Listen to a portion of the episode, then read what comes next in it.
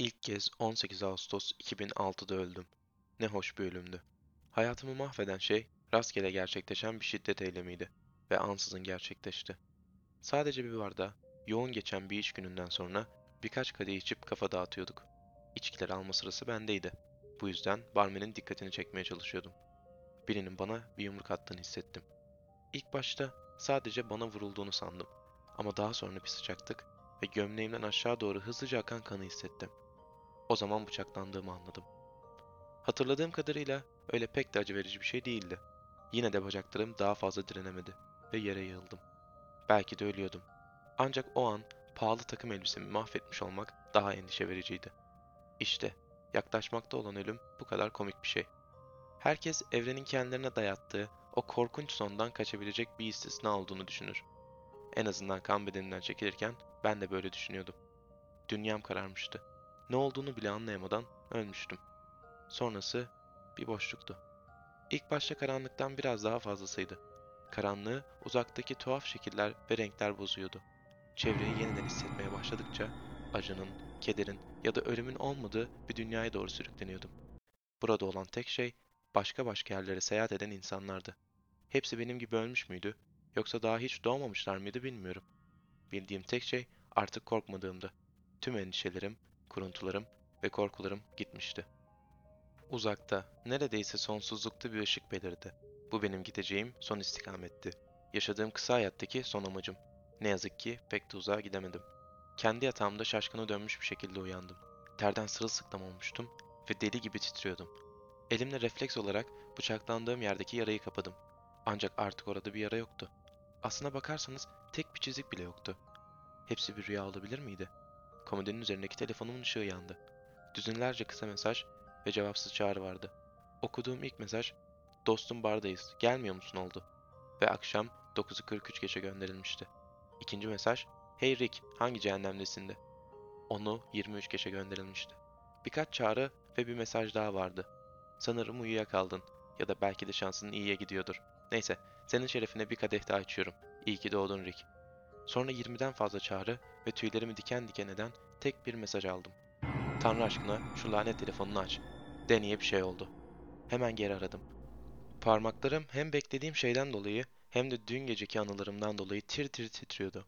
Ölümün bir kabustan biraz daha fazlası olsa bile bu gece arkadaşlarımla barda buluşacağımdan emindim. Telefon üç kez çaldı ve telefonu Jake açtı.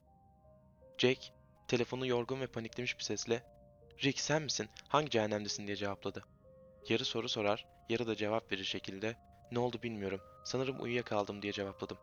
Jake açıklamamı dinlemeden Deni dün gece bıçaklandı diye cevapladı. Bıçaklandı mı? Nasıl? Bilmiyorum. Kaçığın biri üzerine yürüyüp onu bıçakladı dedi. Şoka girmiştim. Neredeyse telefonumu düşürüyordum. Deni aynı yerde tıpkı benim uğradığım gibi bir saldırıya uğramıştı. Binlerce düşünce zihnime hücum etti. Ancak korku hızlıca asıl sorunum haline geldi. O iyi mi? Hala ameliyatta. Eşine haber veriyorlar. İşte eşi geliyor dedi. Ve telefonu aşağı indirdi. Ancak tartıştıkları için o boğuk seslerini hala duyabiliyordum. Deni'nin eşinin sesi üzgün geliyordu. Ancak ne dediğini tam anlayamadım. Jake diye seslendim. Jake cevapladı. O, o öldü. Sonraki birkaç dakika zihnim iyice bulanıklaştı. Hepimiz Deni'yi çocukluktan beri tanırdık ve şimdi o gitmişti. Katil de bardan sağ çıkamadı. Görünüşe göre başka birine de dalaşınca müşterilerden biri onu vurmuş. Hala o gece ölmesi gereken kişinin ben olmam gerektiği hissinden kurtulamamıştım. Her şeye rağmen ilerlemeye devam ettim. Çalışanlarımızdan bazıları Deni'nin ölümünden sonra işten ayrıldılar. Umutsuzca hayatlarına devam etmeyi deneyeceklerdi. Onları asla suçlamadım. Hem benim de biraz zamana ihtiyacım vardı. Onlara o gece ne yaşadığımı asla anlatmadım. Zaten bunun bir faydası da olmazdı. Bir yıl geçmişti. Ve ben arkadaşlarımla çok çok nadir konuşmuştum. Deni'nin ölümünden sonra biraz normale dönmeye başlamıştım. Ancak bu durum 18 Ağustos 2007'de sona erdi. Doğum günüm yine geldi çattı ve ben kesinlikle kutlamayı düşünmüyordum. Bunun yerine hastayım deyip işe gitmedim.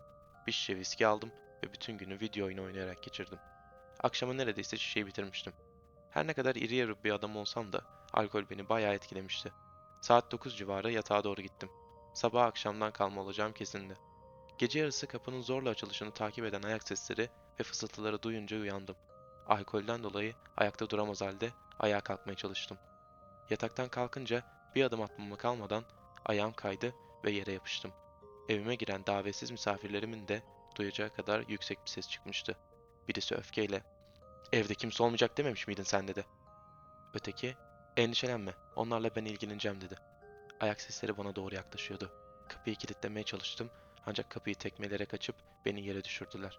İçeri giren maskeli adam elinde bir silah tutuyordu. Silahı bana doğrultup tetiği çekmeden önce sadece tek bir cümle söyledi. Sessiz kalmalıydın.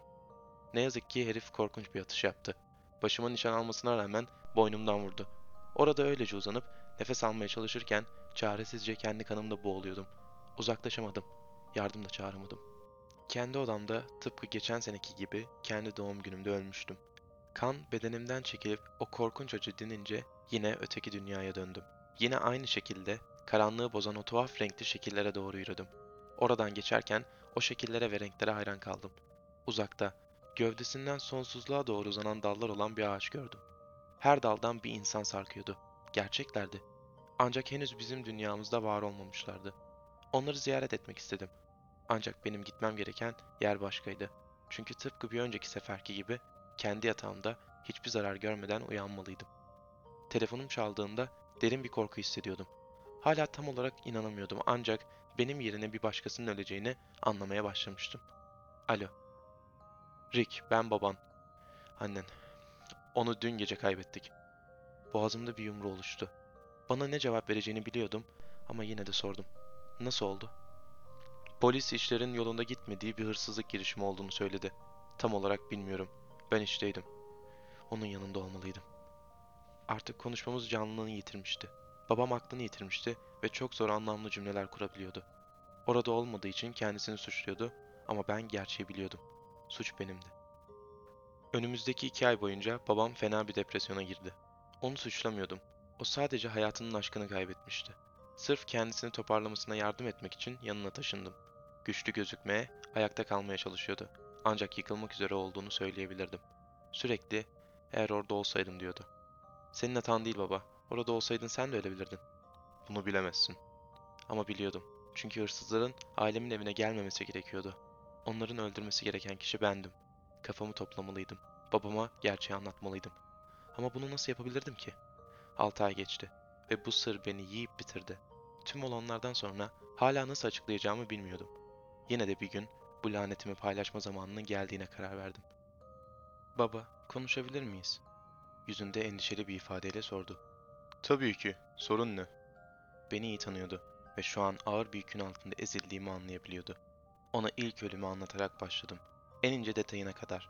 Anlattıklarım tabii ki o gece barda olaya tanık olan insanların anlattığı her şeye uyuyordu. Bıçak yarasına kadar. Ona Deni'nin benim yerime öldüğünü, bu yüzden o suçlu hissettiğimi söyledim.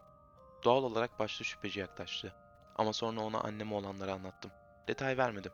Sadece vurulduğum anı anlattım. Kapının kırıldığını ve iki adamın orada olduğunu. Her şey tamamen mektupta yazanlara uyuyordu. Özür dilerim baba. Benim hatam. Onu ben öldürdüm. Sadece sessiz bir şekilde oturdu. Ona anlattıklarımı sindirmeye çalışıyordu. Senin hatan değildi. Aklım karışmıştı. Sesinde azıcık bile öfke yoktu. Sadece fazlasıyla empati vardı. Bunu nasıl söylersin? Annem ölmek zorunda değildi. Bu kez konuşmadan önce sözleri hakkında düşündü. Yanlış bir şey yapmadın Rick.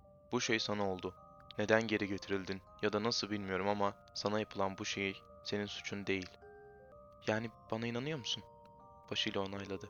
Sonra da bana sarıldı. Aniden artık dünyada yalnız değildim. Olanları bilen biri daha vardı. Ya yine olursa dedim. O zaman beraber üstesinden geliriz. Sözlerinin arkasında durdu. Sıradaki doğum günüm yaklaştığında bile.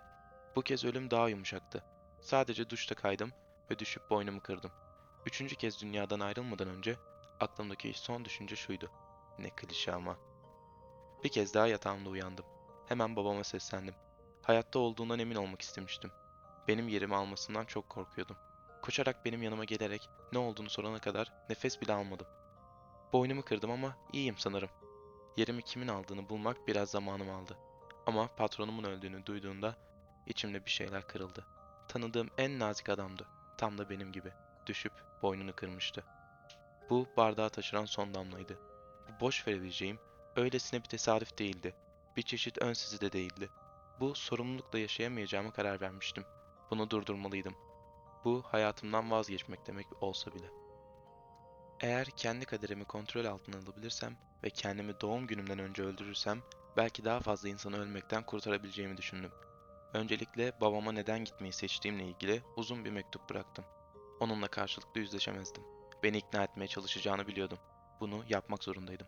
Daha fazla insanın benim adımı ölmesine izin veremezdim. Ne yazık ki kader adi bir pislik. Ne kadar denersem deneyeyim hayatıma son veremedim. Kendimi asmayı denedim ama ipi koptu. Sonra kendimi vurmayı denedim ama kurşun sıkıştı. Bu da işe yaramadığında arabamı bir ağaca doğru sürdüm. Ama oradan da bir şekilde sağ çıktım. Her girişimim başarısızlıkla sonuçlanıyordu. Tek yapabildiğim doğum günümü ve birinin benim yerime ölmesini beklemekti.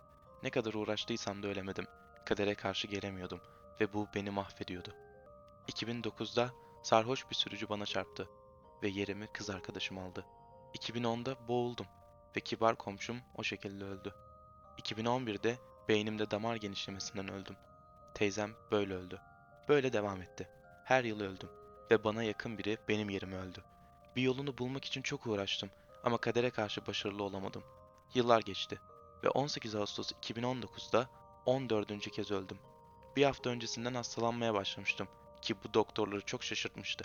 Tüm laboratuvar değerlerime göre gayet iyiydim ama gittikçe daha çok hastalanıyordum. Babam da ben de zamanımın geldiğini biliyorduk ama zorla geri döndürüleceğimi de biliyorduk. Sonra doğum günümün gece yarısı kalbim durdu. Yatağımda sarsılarak uyandım. Artık hasta değildim.